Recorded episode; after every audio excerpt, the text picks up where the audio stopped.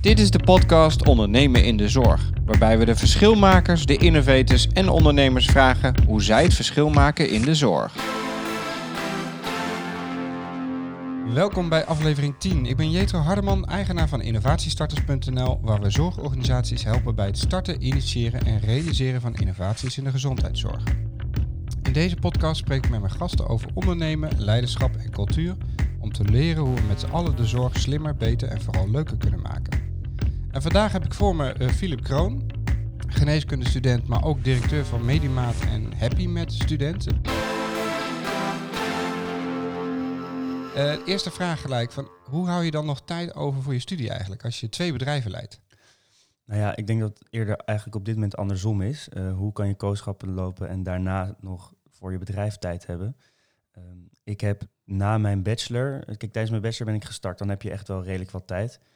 En na mijn bachelor ben ik gestart, um, of, heb ik een jaar lang alleen maar ondernomen met Medimaat.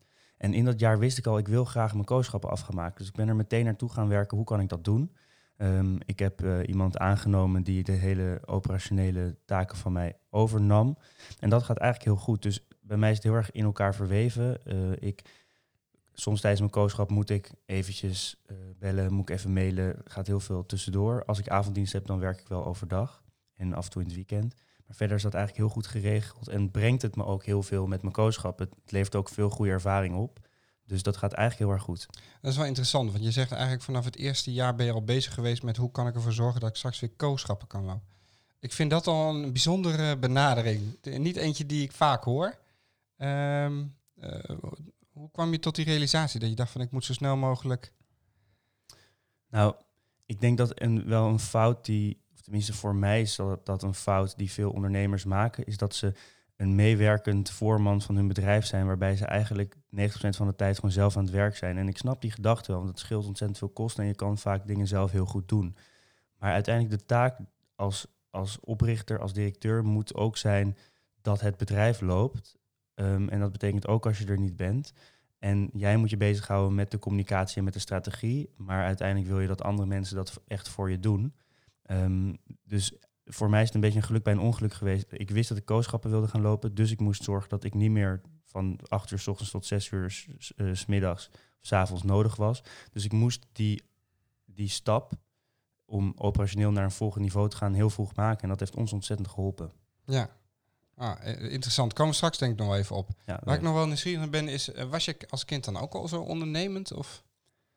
Ik, uh, ik denk het wel. Um, ik, ik heb vroeger heel veel muziek gemaakt. Ik, ik speel klarinet. Ik wilde dat naar het conservatorium.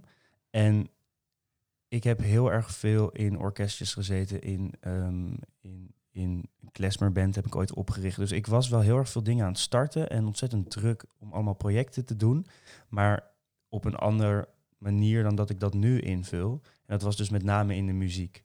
Dus ik denk achteraf wel. Um, en later, toen ik in jaar 15, 16 was, ben ik veel in de horeca gaan werken en evenementen. En daar heb ik ook wel echt, ja, hoe je dat dan op die leeftijd doet, ook wel echt projecten gestart en, en, en dingen georganiseerd. Maar wat leer je dan precies? Ja, dat het vooral heel erg leuk is om iets te bedenken en dan in, in het begin met een paar vrienden om tafel dat gewoon te gaan doen. En dat je ook op het moment dat je een concert echt zelf organiseert en niet gewoon wordt uitgenodigd, wil je komen spelen, maar je gaat de locatie regelen en je gaat de bezoekers regelen, dat dat veel energie geeft, dat je daar trots op bent. Ik denk dat dat, dat wel op vroege leeftijd al, uh, dat dat mij al een goed gevoel gaf. Ja, en, en als, uh, uh, want dan heb je het over een jaar of 16.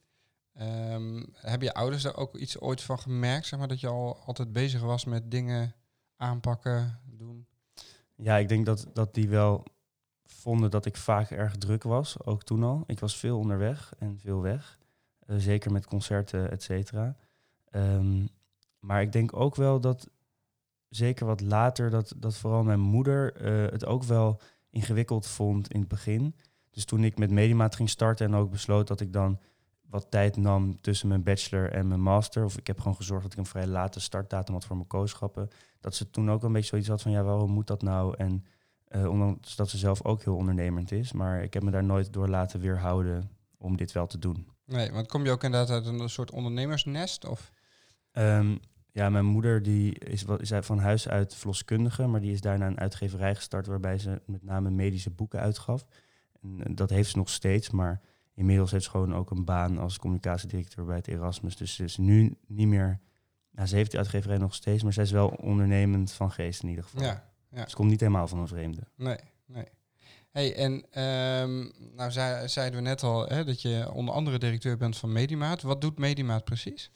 Uh, Medimaat ehm, doet implementatie van zorgtechnologie, waarvoor we geneeskundestudenten en alle andere zorggerelateerde studenten gebruiken. Dus wat ik zag, er wordt ontzettend veel ontwikkeld en op een gegeven moment moet een zorginstelling of een patiënt daarmee gaan werken. Maar voor die implementatie is weinig aandacht. Um, en aan de andere kant, het hele woord technologie komt in de geneeskundestudie niet één keer voor. Dus ik Hmm. denk als we die nou combineren, uh, die studenten begrijpen het gebruik van technologie makkelijk, zijn daarmee opgegroeid, ze snappen de zorg. Dus als we die nou in de organisatie zetten om trainingen te geven, installaties te doen, service desk op te zetten, dan, um, dan kan dat ontzettend veel waarde toevoegen aan de zorg, omdat je gewoon een veel beter en leuker in, um, implementatieproject hebt. En aan de andere kant is het leerzaam voor onze toekomstige groep artsen en andere zorgmedewerkers. Ja. En wat, wat was dan het moment dat je bedacht van, hé, hey, dit moet ik opstarten? Ik werkte op de afdeling KNO, of eigenlijk de hoofd-hals-oncologie in VUMC. En mijn baan was daar om te helpen met de implementatie van EPIC, het uh, elektronisch patiëntendossier, wat ze daar een jaar of vijf geleden gestart zijn. En ik zat naast een specialist tijdens de poli en ik moest zorgen dat alles er goed in kwam. Ik typte uh, mee. Ik moest vaak zorgen dat van tevoren het papieren dossier in het elektronisch patiëntendossier kwam. En daar viel me wel op hoe weinig aandacht er was en hoe moeilijk het was om vragen te stellen. En ook hoe lastig het is om terwijl je elke tien minuten een nieuwe patiënt ziet met een ingewikkeld probleem, want het waren eigenlijk allemaal kankerpatiënten, om dan ook nog te zorgen dat je je dat super complexe en niet uh, intuïtieve systeem jouw eigen maakt.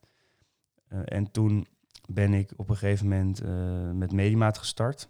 Eerlijk gezegd eerst met een ander idee wat niet is gelukt. Maar toen, toen zag ik dit en dat daar meer behoefte aan was.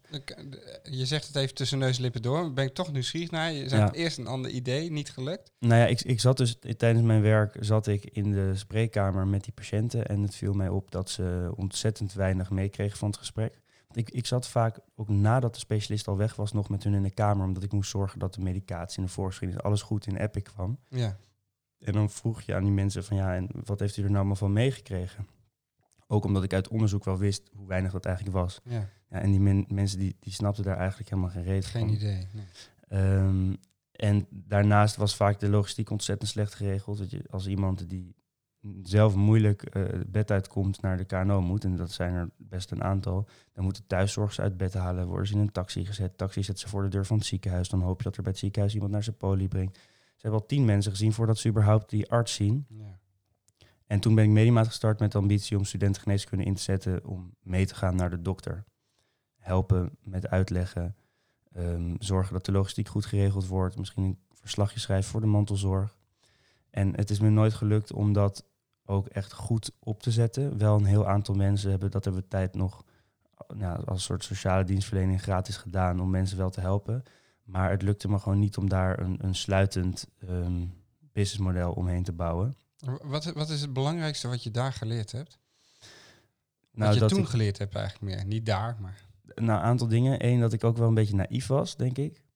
Ehm, twee is dat als je afhankelijk bent van ziekenhuizen, maar ook van verzekeraars, et cetera, dat je dan een hele lange adem moet hebben.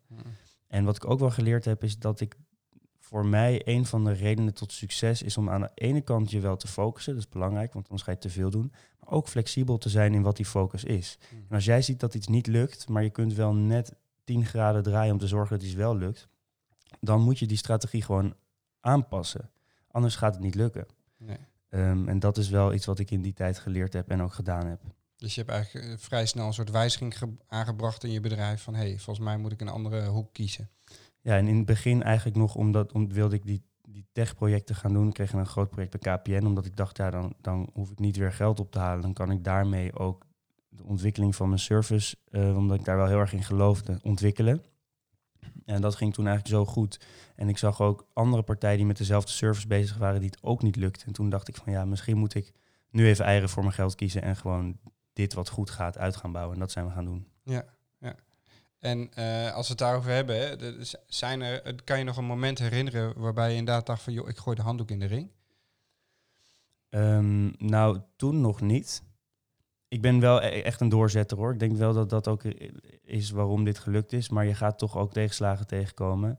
En er zijn wel momenten geweest dat ik dacht van waar ben ik eigenlijk mee bezig? Waarom moet ik zo nodig dit allemaal doen? Kan je zo'n Ehm, moment eh, herinneren? Ja, ongeveer nadat ik een jaar bezig was. eh, ik had inmiddels een vaste werknemer aangenomen. Het ging eigenlijk goed, maar we deden een project, implementatie van een nieuwe eh, apparaat voor hartritmediagnostiek in de huisarts. was een gigantisch project en er ging van alles mis. Niet zozeer bij ons, maar het apparaat werkte niet. De koppelingen van de systemen waren niet af. Nou, zo erg dat het hele project uiteindelijk een stuk is gelopen en niet is doorgegaan. En dat was wel een heel stressvol jaar, omdat je zo afhankelijk bent van grote bedrijven en nou, dan werd er niet betaald. En dat was wel een moment dat ik er zo diep in zat. En ik kon toen ook nog niet zo goed, denk ik, met die tegenslagen omgaan. Ik lag er echt wel eens wakker van. Dat ik toen wel op een gegeven moment dacht van oké, hoe ga ik dit doen? En toen ben ik eh, met een vriend eh, twee weken naar Zuid-Afrika geweest. En dat zijn voor mij wel dingen. Vakantie is voor mij één keer per jaar belangrijk, want dan ben ik er even helemaal uit. En dan kan ik het echt van een afstandje zien. En dan zie ik ook elke keer dat mijn team het hartstikke goed doet, ook als ik er niet bovenop zit. Dus dat zijn altijd wel momenten dat ik daarna weer met heel veel energie terugkom. Hm. En helpt het je ook inderdaad om dan weer die eh, ruimte of een ander perspectief te, ernaar te kijken? Of? Ja, vooral ander perspectief denk ik niet zozeer, maar wel meer ruimte. Dat ik toch makkelijker kan zien. Kijk, als je, als je zo dichterop zit de hele tijd, is het heel moeilijk om het grote plaatje te zien. Terwijl als je even eruit gaat en even van een afstandje kijkt en nog een keer alles op een rij zet, dan is het veel makkelijker om dat vertrouwen weer te krijgen. En ik heb daar nu veel minder last van. Oké. ja. Hey, en eh, de huidige coronacrisis, heeft dat nog eh, effect gehad op jouw bedrijf? Of? Eh ja, zeker. Ehm, de eerste maand was niet goed. We gingen met best wel een hoop ehm, starten. Allemaal projecten die eraan kwamen die niet doorgingen. Kijk, op dit moment, we doen niet alleen maar fysieke implementatie. We gaan niet altijd langs. Alleen omdat ik denk dat in de toekomst gaat het anders zijn. Maar op dit moment is dat vaak nog wel de beste oplossing om de technologie zo snel mogelijk in de praktijk te krijgen. Ja. En al die fysieke projecten gingen natuurlijk niet door. Wij hebben als team een corona taskforce opgericht, waarbij we heel veel studenten hebben gevraagd van willen jullie helpen deze crisis? En we zijn echt naar kansen gaan zoeken van wat schaalt er nu wel op.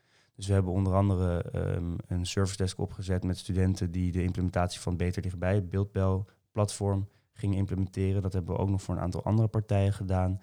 Ehm heb je met student, dus echt het uitzenden van studenten in de zorg met handen aan het bed, dat, dat ging heel goed. Dus uiteindelijk hebben we met z'n allen wel nieuwe kansen gecreëerd. Dus het werkt er wel wat anders uit nu, maar het is, uiteindelijk is het, is het niet negatief geweest. Nee. Oké. Oh, mooi. Mooi. Ja.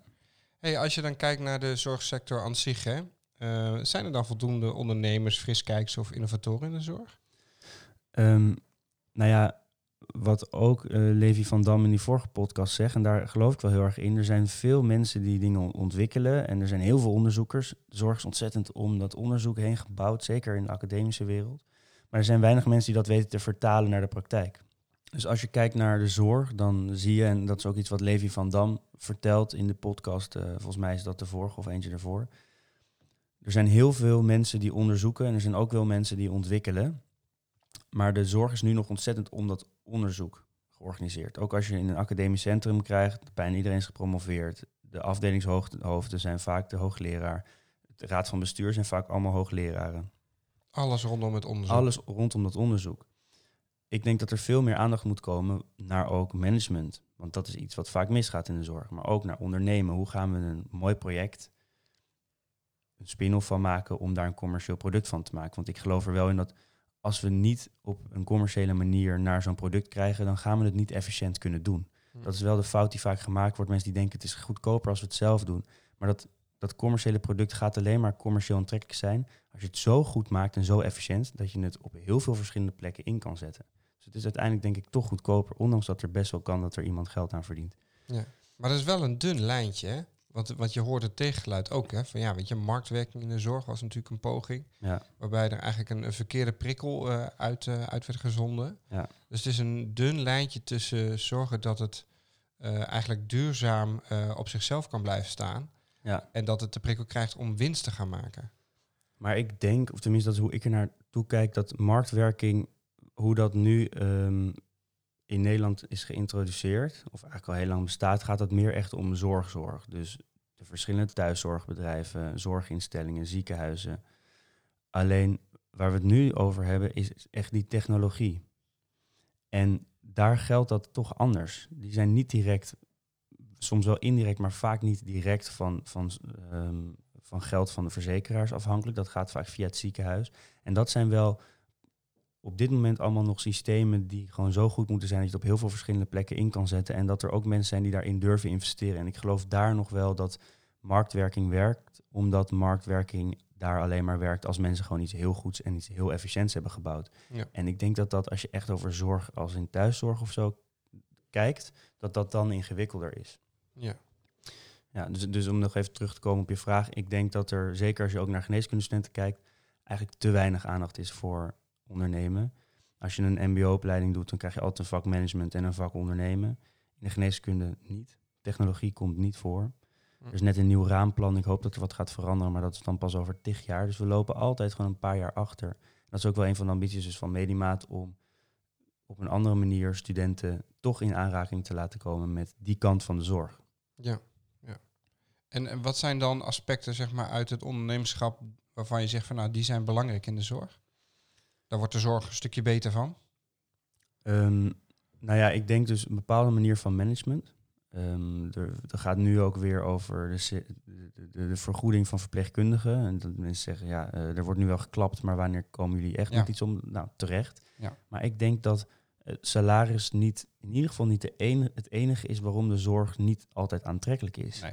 Kijk, ik heb een team. Er werken nu vijf mensen fulltime bij Medimaat en Happy Med Student. En we hebben nog eh 70, 80 studenten elke week. Ehm, de reden dat ze bij ons werken is omdat het leuk is. Omdat we er ook in investeren om ontzettend veel, eh, om, om ontzettend veel aandacht te besteden aan de mens. En dat ze ook elke dag met plezier naar werk gaan. Dinsdag hadden we weer een leuk etentje. En als je dan ziet, dat ging dan niet over de zorg, maar laatst over defensie, dat, dat heel Nederland erover valt dat er, ik geloof, zes of zeven tientjes per medewerker per jaar aan een soort bedrijfsfeest worden uitgegeven. Dan denk ik van ja, maar daar gaat het mis. En dat gebeurt in de zorg ook. Ja. Er wordt alleen maar gekeken naar wat is die directe vergoeding, wat wordt er elke keer rond de 21ste op je rekening geschreven. Maar uiteindelijk, als we het echt aantrekkelijk willen maken, moeten we meer flexibiliteit bieden. Moeten we zorgen dat de secundaire arbeidsvoorwaarden beter zijn. Moeten we zorgen dat er meer carrièrekansen zijn, ook voor verpleegkundigen. Want het is niet leuk als je 24 bent en je hebt het hoogst haalbare gehaald. Nee. En je groeit elk jaar met 2,5% of Ja. ik het. Maar dat is het. Ja. Dus dan is ook dan- de enige keuze is nog om iets anders te gaan doen. Als je wel carrière wil maken. Dus dan Ja, loop je en- ook weer de zorg uit. En ik heb ook een meisje als projectmanager bij ons werken. Die was ergotherapeut in een, in een revalidatiecentrum. Maar ze zegt, ik was, ik was 20, 21 toen ik klaar was. En ik ben nu vijf jaar ergotherapeut. En er zijn eigenlijk niet echt goede plekken binnen de zorginstelling om te groeien. Wat doe ik daar nog? Ja. Ik heb het wel gezien. En dat is jammer, want we hebben die mensen heel hard nodig. En dan moeten we toch op een andere manier gaan kijken hoe we dat voor ze in gaan vullen. Ja. Is eh, in die zin eh, geld dan eigenlijk wel een belangrijke prikkel? Want wat ik zelf wel merk inderdaad, dat eh, het gaat vaak over geld. Ja. en, en ook nu is de discussie over dat er meer geld bij moet. Maar ik geloof eigenlijk vanuit, vanuit mijn tenen dat het niet om geld draait. Maar het gaat veel meer om, inderdaad om de waardering, maar juist ook inderdaad om eigenlijk weer die authenticiteit terug te krijgen. om je trots weer terug te krijgen. En ook dus de ruimte om je vak goed uit te oefenen in de zorg. En kansen te krijgen inderdaad om je te blijven ontwikkelen. Volgens mij is dat veel belangrijker dan eh, een paar tientjes erbij per maand. Ja, ik denk dat je daar helemaal gelijk mee hebt. Ehm, er wordt ook best wel regelmatig onderzoek gedaan naar mensen. En dan wordt bijvoorbeeld gevraagd van, wat zou je doen? Een baan die je heel leuk vindt, met kansen, et cetera. Maar waar je wel 10% meer verdient dan een andere baan. En die andere baan, die is minder leuk. En je manager is vervelend en het is hiërarchisch. En dan kiezen mensen gewoon voor leuk werk. Ja, Weet je, je bent daar zoveel tijd. En dat, dat is denk ik ook een van de redenen dat er zoveel burn-out is onder artsen. Dat gaat echt niet over die 60 uur dat ze op de werkvloer staan. Als jij het echt leuk vindt, je hebt fijne collega's, er wordt goed naar je geluisterd en goed voor je gezorgd, dan is die 60 uur niet erg. Tenminste voor de meeste mensen. Nee. Maar als jij met tegenzin gaat, het is niet goed geregeld, er gaat iets mis en je krijgt het op je kop. Eh, specialisten zijn nog steeds niet altijd even aardig. Zeker niet als je ze s'nachts moet bellen. Dat, dat zorgt ervoor dat mensen in mijn optiek uiteindelijk burn-out gaan. ja. Ik heb ook wat idee dat het dus eigenlijk een soort verandering is in de maatschappij, of misschien wel wereldwijd, hè, waarbij we eh, generaties hiervoor dat het echt ging om eh, de basis en dat je inderdaad gewoon een solide salaris hebt en een solide carrièrepad. En dat we in die zin zeg maar nu ehm, eh, ontwikkeld zijn naar een momentum waarin we zeggen van ja, maar we vinden het eigenlijk veel belangrijker dat we happy zijn en dat we inderdaad alles is te koop. Dus het gaat meer om het beleven, om mooie ervaringen op te doen. Ja, nee, zeker. En je ziet dat, dat, dat vind ik leerzaam aan mijn tijd bij Medimaat. Als commercieel bedrijf ontkom je daar niet aan.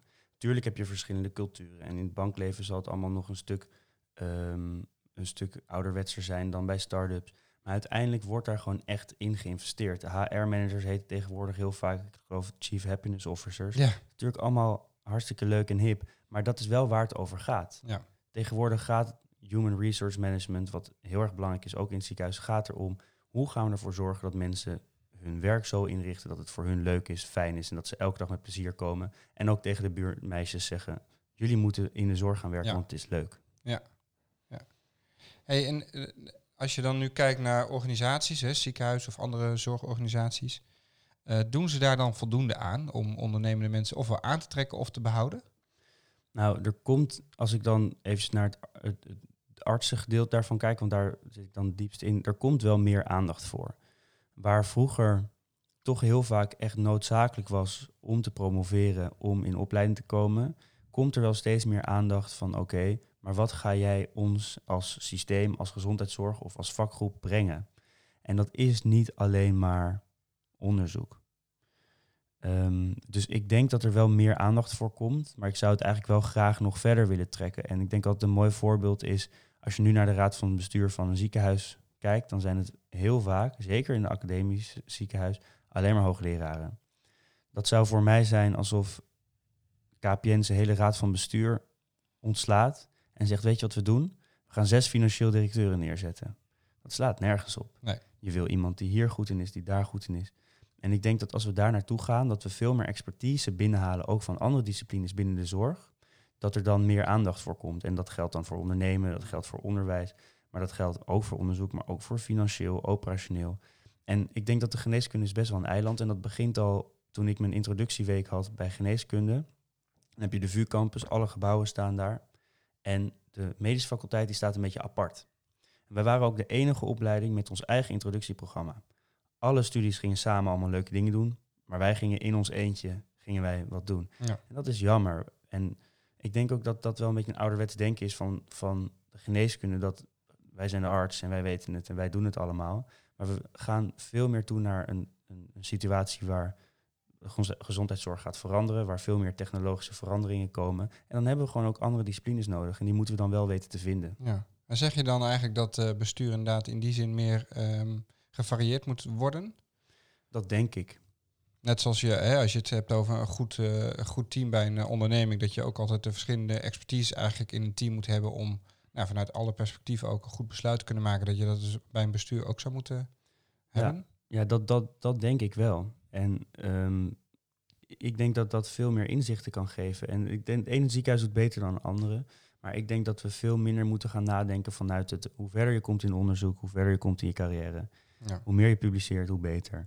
Er is veel meer in de zorg. Ik denk ook dat onderzoek gaat veranderen. Veel meer korte onderzoeken, veel meer onderzoek gestuurd vanuit data. Practice-based.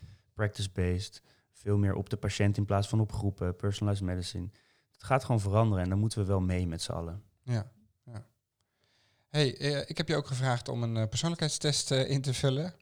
Um, voordat we daarop induiken, ben ik wel even benieuwd. welke persoonlijke eigenschappen denk jij dat iemand echt nodig heeft om in de zorg te ondernemen? Ja, dat kan heel verschillend zijn, maar ik denk dat eentje de allerbelangrijkste is en ook eentje die ik vaak mis zie gaan, is dat je heel goed moet inzien waar jouw hiaten liggen. En zeker als je als arts gaat ondernemen, je hebt niet zoveel ervaring in zo'n soort klein bedrijf, dan moet je gewoon echt zien wat kan ik en wat kan ik niet. En hoe ga ik andere mensen inzetten om dat voor mij te doen. Ik weet van mezelf, ik heb een paar hele grote projecten helemaal zelf geleid, ging allemaal goed, maar het kost mij superveel energie, want ik ben gewoon niet de allerprecieste die, die het hele project heeft uitgetypt. Ik heb projectmanager werken bij Medimaat, die is daar super goed in. Die moet ik dat dan ook echt laten doen. En wat ik heel vaak mis zie gaan, is dat mensen te veel controle zelf willen houden en ook niet zien waar het misgaat en waar ze zichzelf in tekort of waar ze zelf tekort komen. En dat ze heel veel mensen gaan aannemen die eigenlijk net wat minder weten dan zij. Terwijl als je mensen gaat aannemen die meer weten dan jij op een bepaald vlak, dan ga je groeien en dan gaan ze jou wat leren. En dan moet je daar wel voor openstaan. Dus ik denk dat dat de belangrijkste eigenschap is. Mooi, mooi. Mooie eigenschap. Dus het team is, uh, is alles. Team is alles en zie ook waar zij jou aanvullen en geef ze daar dan ook de ruimte. En ga dan niet, laat dan niet je ego spreken, maar doe gewoon even een stapje opzij. Ja. En is dat, uh, ik, ik zit even te denken van goh, uh, is dat iets wat past bij mensen die in de zorg werken?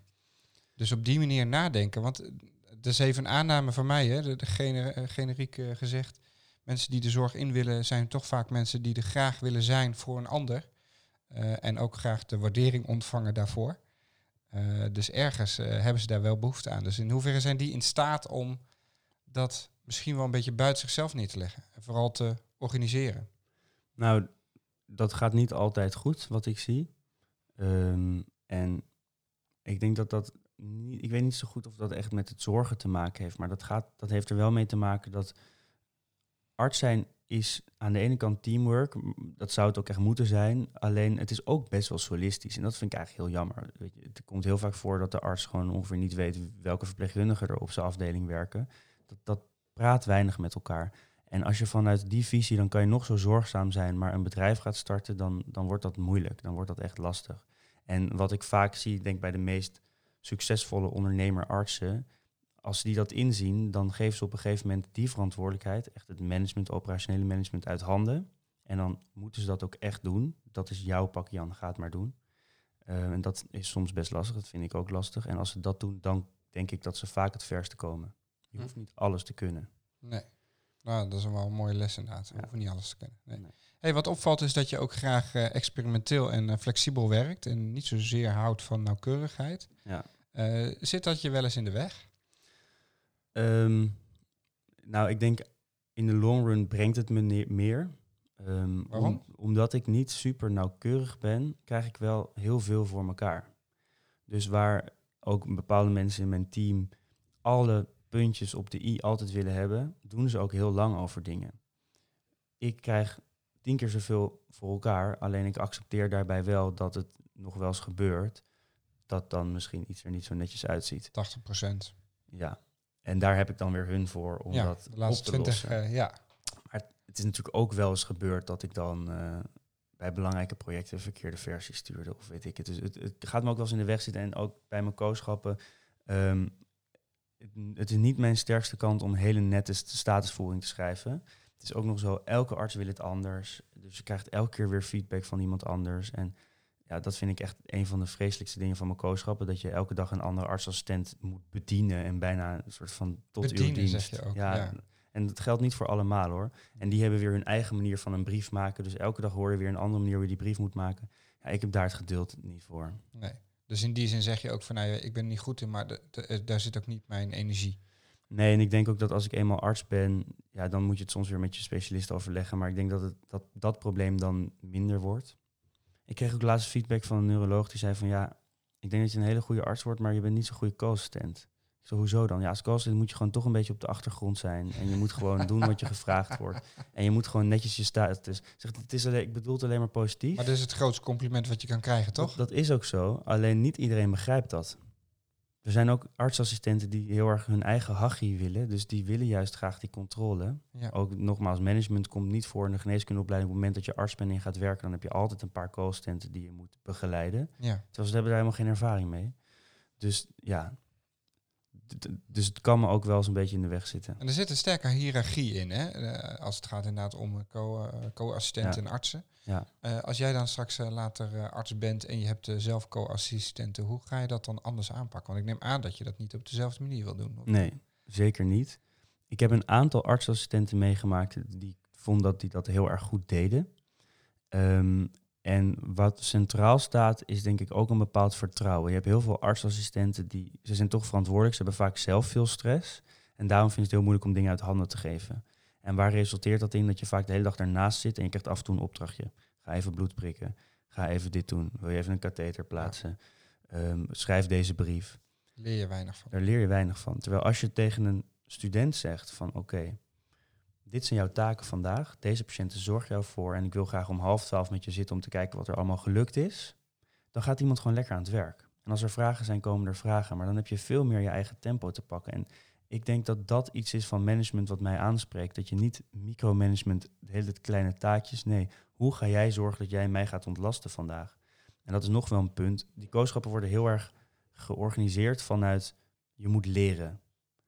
Dat is natuurlijk wel zo, maar in mijn visie leer je het meeste als je lekker bezig bent. De leerzaamste week voor mij in mijn kooschappen waren op de spoed als het druk was. Als je de hele dag patiënten ziet.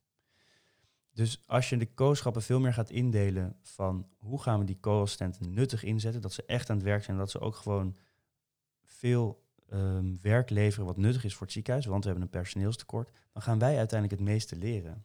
Ja, het is ook een soort eenzijdige manier van leren, hè? want er zijn uh, natuurlijk een aantal uh, leerstijlen die, ja, die je moet passen, zeg maar. En eentje is inderdaad afkijken, dat is een beetje wat ik hier hoor. Ja. Maar je hebt natuurlijk ook gewoon inderdaad het zelf ervaren, het ervaringsgericht leren. Ja, en ik geloof daar veel meer in. En ik denk ook op dit moment, het, verreweg het grootste gedeelte van de kooschappen vindt plaats in het ziekenhuis. Um, nou, in een academisch ziekenhuis zijn kooschappen over het algemeen niet leuk. Um, je zit met veel te veel co-assistenten, het is allemaal complex en je mag weinig doen. En, dus je bent gewoon heel veel niks aan doen. En dat vind ik frustrerend, want het hele ziekenhuis zit op zijn kop, er is te weinig personeel en wij zitten allemaal jaren gestudeerd en we kunnen niks doen. Ja. Dan heb je de ziekenhuizen die wat kleiner zijn. Nou, ik heb bijvoorbeeld chirurgie gedaan in het Rode Kruis. Dat was heel leuk, heel nuttig, heel leerzaam. Maar uiteindelijk denk ik dat je als uh, jonge dokter het meeste leert buiten het ziekenhuis. Dus ik werkte voor een psychiatriekooschap op een psychiatrische afdeling in een nou, psychiatrisch ziekenhuis. Maar dat is dus een beetje, ik zou niet zeggen wat officieel is, maar ik denk een beetje anderhalf lijn of zo. Je hebt wel wat specialistische dingen, maar heel veel is ook gewoon niet specialistisch. En daar kan je veel meer doen. Hetzelfde geldt in een verpleeghuis. Het is hartstikke complexe zorg. Mensen hebben multimorbiditeit. Maar je kan daar veel doen. Er is minder personeel. En in, bij de huisartspraktijk is dat ook. En ik denk dat we dat om moeten gooien. Veel meer vanuit de eerste lijn. Dan wat tweede lijn. Ja, en die derde lijn die kunnen we wat mij betreft helemaal overslaan.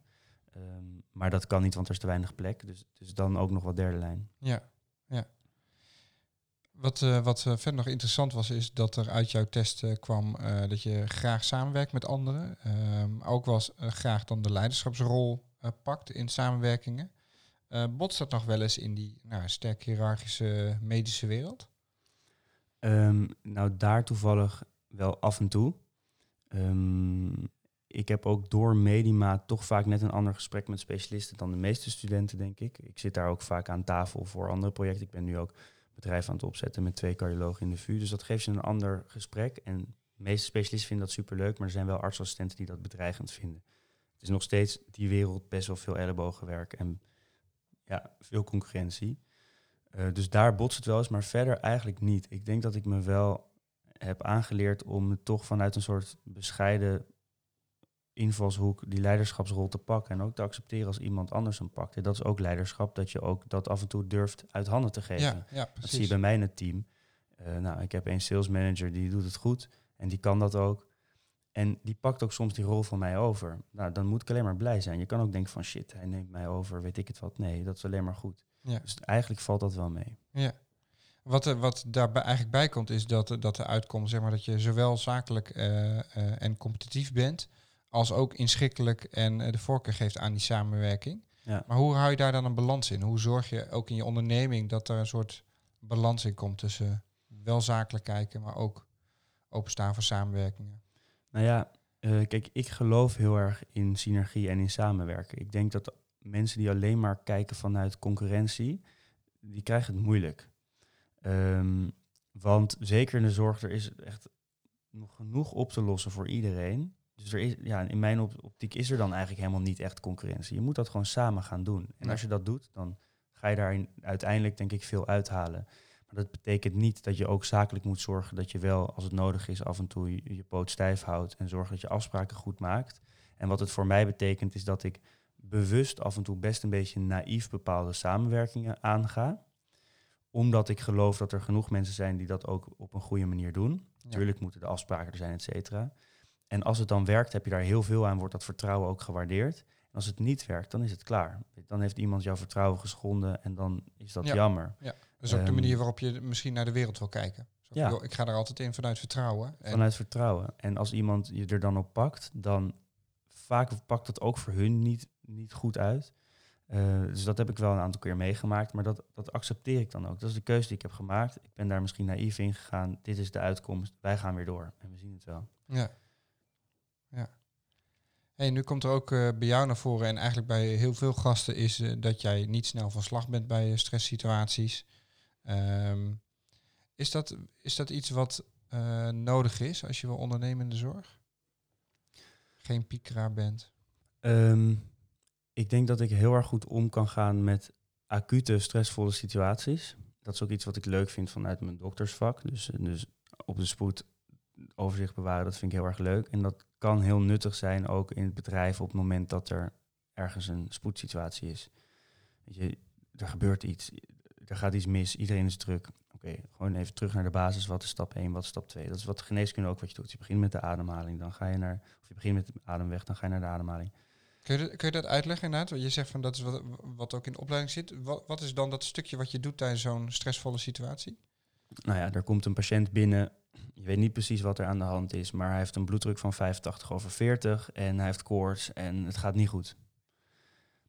Wat je dan altijd doet, is dat je gaat een protocol af. Dus je bedenkt altijd eerst treat first, what kills first. Dus je gaat eerst naar die patiënt kijken, is de ademhaling vrij? Hmm. Dus je hebt A, B, C, D, E. A is voor ademhaling. Voor airway eigenlijk. Dus als de, adem, als, als de luchtpijp dicht zit, ja, dan kun je doen wat je wil, maar je patiënt wordt niet beter. Nee, nee. Dan ga je naar de B.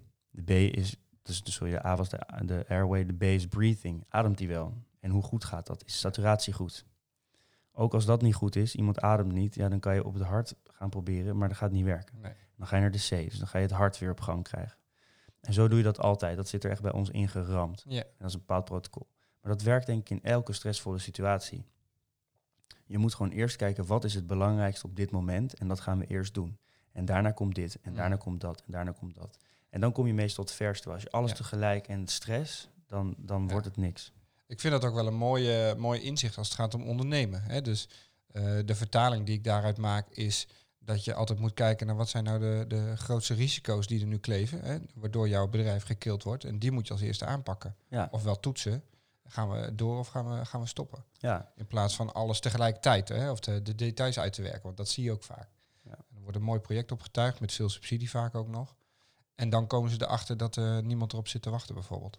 Ja, nou, dat gebeurt veel. Ik, ik denk dat er veel, te veel bedrijven nog heel erg afhankelijk zijn van subsidies. Dat is denk ik jammer ik zou het eigenlijk veel liever andersom willen zien. Dat je subsidie wordt gebruikt voor de implementatie als iets bewezen is in plaats van om iets te ontwikkelen.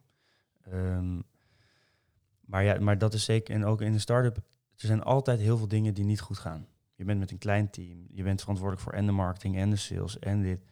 Dus je moet gewoon een lange termijn plan maken. We gaan eerst de sales totaal omgooien. En dan, zes weken later, gaan we dit doen. En ja, dat werkt denk ik het beste. Ja. Hey, um, uh, dankjewel. Als iemand meer wil weten over jou of over uh, je bedrijf Medimaat, uh, hoe kunnen ze jou dan het beste bereiken? Ze mogen me altijd mailen op filip.medimaat.nl als iemand wat wil weten. Um, we hebben een site www.medimaat.nl. Daar staat veel op en ook contactgegevens. Maar ik heb natuurlijk ook LinkedIn en Instagram doen we veel.